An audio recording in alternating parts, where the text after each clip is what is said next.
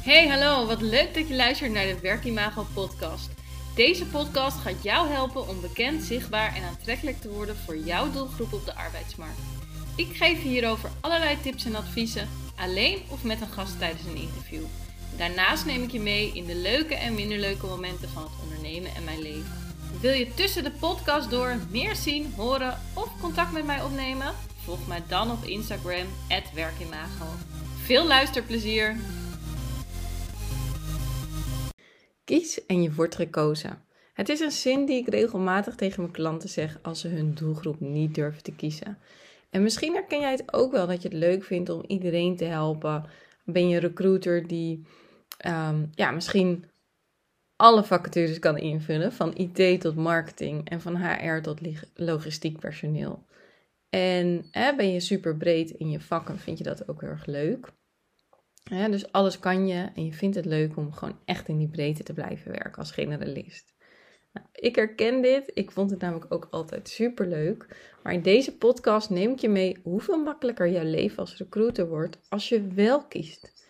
Als je wel kiest voor je doelgroep, voor je ideale doelgroep. Ehm, en dit kan je trouwens ook heel goed ehm, aanhouden voor als het gaat om klanten. Hè?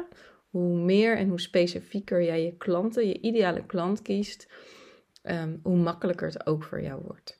En ik vertel je ook erbij welke consequentie het heeft als je niet kiest. Nou, laat ik beginnen met het niet kiezen van een doelgroep. Want elke keer als je een nieuwe vacature hebt, betekent dat dus dat je eigenlijk weer helemaal van vooraf aan begint. Opnieuw het profiel leren kennen. Opnieuw uitvinden welke boolean search werkt. Opnieuw searchen. Opnieuw proberen een e-mail zo af te stemmen op je doelgroep. En als je het echt goed wil doen, hè, dan moet je elke keer weer jezelf opnieuw inleven in een doelgroep die je niet kent. Dus opnieuw een stukje doelgroeponderzoek doen. En hoe succesvol je ook bent als recruiter, het maakt je leven gewoon als recruitmentondernemer er gewoon weg lastiger op. Um, of lastiger door, moet ik eigenlijk zeggen. En het kost je gewoon echt veel meer tijd om generalistisch te werken en alles weer opnieuw te doen. En niet eigenlijk alleen veel tijd, maar ook heel veel energie. En ik zei net al even dat ik het echt herken, hè? dat je liever generalistisch wilt blijven, omdat je alles leuk vindt. Nou, inmiddels weet ik dat wel voor een doelgroep kiezen betekent dat mensen jou gaan kiezen. En dat betekent niet alleen dat je al het andere niet meer kunt doen. Hè, want dat zeggen heel vaak mensen, ja, maar dan kan ik niet meer die vacature en dat vind ik ook leuk. En, uh, maar door focus te hebben op een doelgroep of een specifieke niche, wordt het gewoon super veel makkelijker. Betekent dit dat je nooit meer een, uh, ik zeg altijd een tropische vacature mag doen? Nee. Maar als je de gros, hè, laten we zeggen 80% van je vacatures, wel voor een specifieke doelgroep hebt en je daar ook de focus hebt mee naar buiten, dan, ehm, ja, dan wordt het dus gewoon heel veel makkelijker. Omdat je dan echt mensen kan gaan aantrekken. In plaats van elke keer weer opnieuw die Boolean search. Uh, of elke keer opnieuw zoeken. Nou, ik heb natuurlijk ook even een voorbeeld. Hè, want ik had laatst bijvoorbeeld ook een klant. Um, en het was eigenlijk niet later, want het was alweer vorig jaar. Heeft ze bij mijn programma gezeten. En zij richtte zich op de IT-markt. Dus allerlei soorten developers. Dus op zich, developers is al redelijk gekozen natuurlijk, maar ze deed van allerlei soorten developers. Uh, deed ook uh, agile consultants, ze kon WNS doen, freelancers bemiddelen, ook af en toe detachering deed ze erbij. En als je dan dus redelijk voor die IT-doelgroep kiest, hè, dan, dan lijkt dat wel heel erg specifiek. Maar als je het hebt over developers, is het natuurlijk totaal ander type dan agile consultants. Dus ook in het aantrekken van kandidaten gebruik je gewoon heel veel andere triggers. Zij vond het echt heel moeilijk om te kiezen. Um, en ik werkte ook steeds, stelde ze het weer uit. Dus dan sprak ik weer en dan zei ik: En heb je al uh, kunnen kiezen? Of waar ga je focus op hebben? En dan doe je het andere er wel bij. Maar op een lager pitje en presenteer je jezelf juist als die specialist in. En um, nou ja, ondertussen had ze uh, gelukkig wel ook al wel haar zichtbaarheid op LinkedIn een stukje focus in weten te brengen. Omdat ze eigenlijk wel een beetje wist wat ze wilde. Um, qua doelgroep. Uh, maar ze vond het gewoon nog spannend om te kiezen.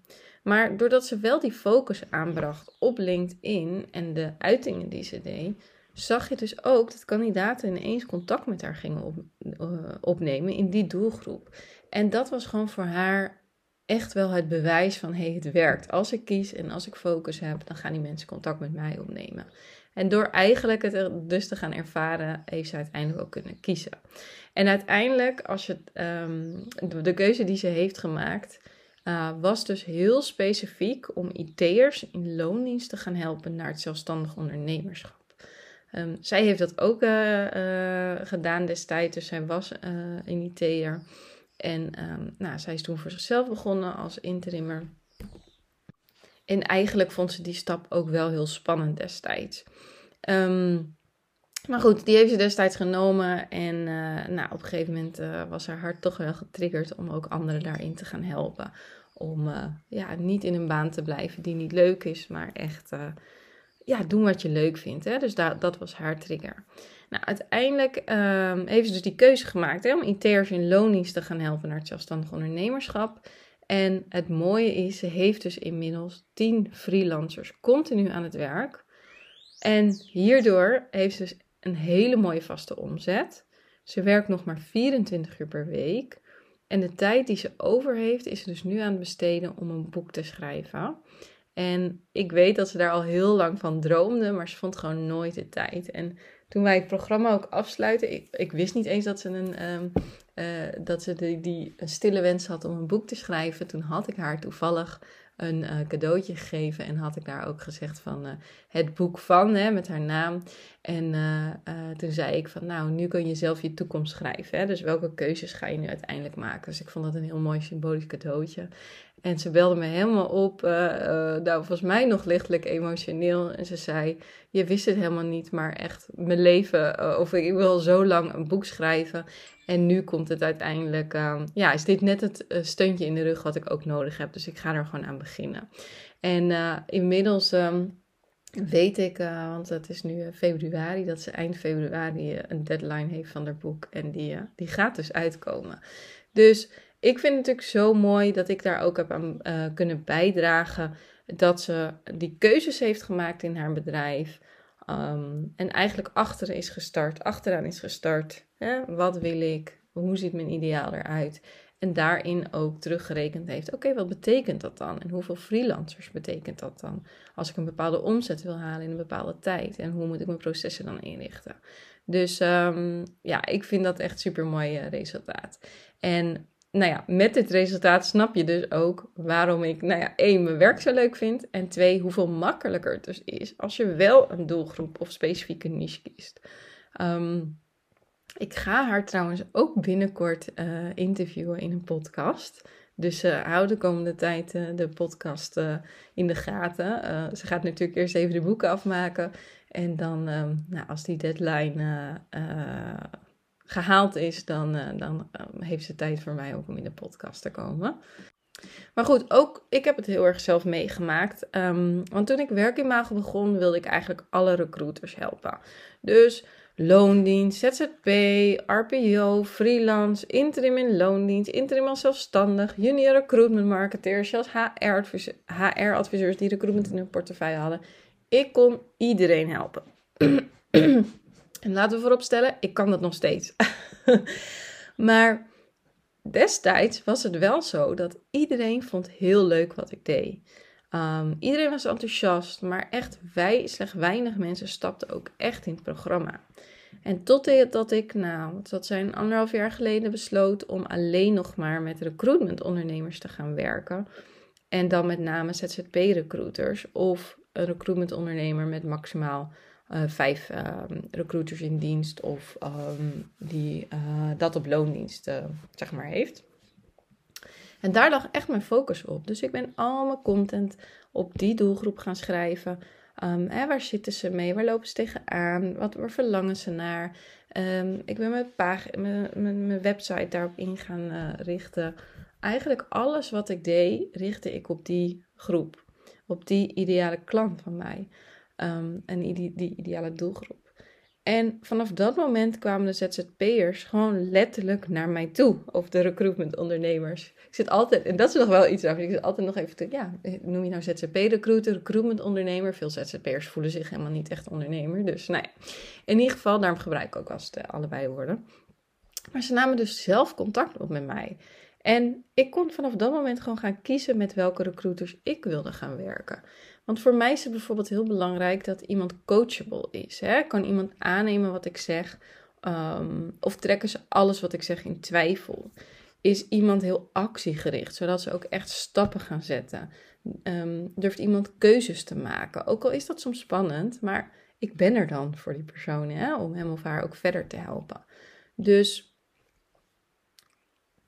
Eigenlijk heb ik je nu twee voorbeelden gegeven waarin je dus zowel ziet in je klantkant als in je kandidatenkant wat er gebeurt als je gaat kiezen in die doelgroep. Um, hè, wat er kan gebeuren, moet ik zeggen. Um, dus ja, nu deze podcast afsluitend, er is me eigenlijk niets anders te zeggen dan ga kiezen, dan word je gekozen.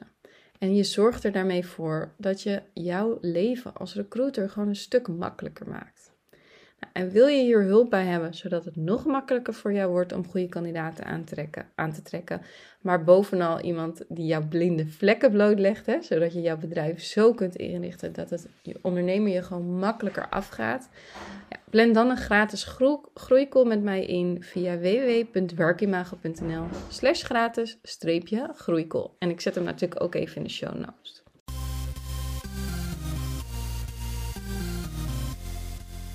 Super leuk dat je hebt geluisterd naar de Werkimago podcast. Dank je wel. Nog even kort drie dingen die ik met jou wil delen. Allereerst, fijn dat ik steeds vaker word getagd op Instagram in berichten dat luisteraars deze podcast luisteren. Ik vind dat echt leuk, dus tag mij vooral in bijvoorbeeld je stories als je naar deze podcast luistert. En volg je mij nog niet? Ga dan naar Instagram en zoek mij op via werkimago. Dan ontvang je regelmatig tips en tricks op gebied van employer branding, recruitment marketing en candidate experience. En als tweede, het is mijn missie om jou met deze podcast te inspireren. En omdat ik het super fijn vind dat je naar de podcast luistert, verloot ik regelmatig aan de luisteraars. Of een gratis coachcall waarin ik jou persoonlijk ga helpen. Of mijn e-book Bekend, Zichtbaar en Aantrekkelijk voor jouw doelgroep op de arbeidsmarkt. Net wat jij het leukste cadeau vindt. Wil je hier kans op maken? Geef de Werkimago podcast dan een review via de podcast app waarmee je deze podcast luistert. Stuur daarna een printscreen naar kim.werkimago.nl of via een DM op Instagram. Ik vind het natuurlijk ook super leuk als je een bericht of DM stuurt, als je vragen hebt of bijvoorbeeld wil reageren op een podcast of wat dan ook. Laat het mij vooral weten. En als laatste, abonneer of subscribe je vooral op de Werkimago podcast. Dan ben jij een van de eerste die de nieuwste aflevering kan beluisteren. Heel graag tot de volgende keer.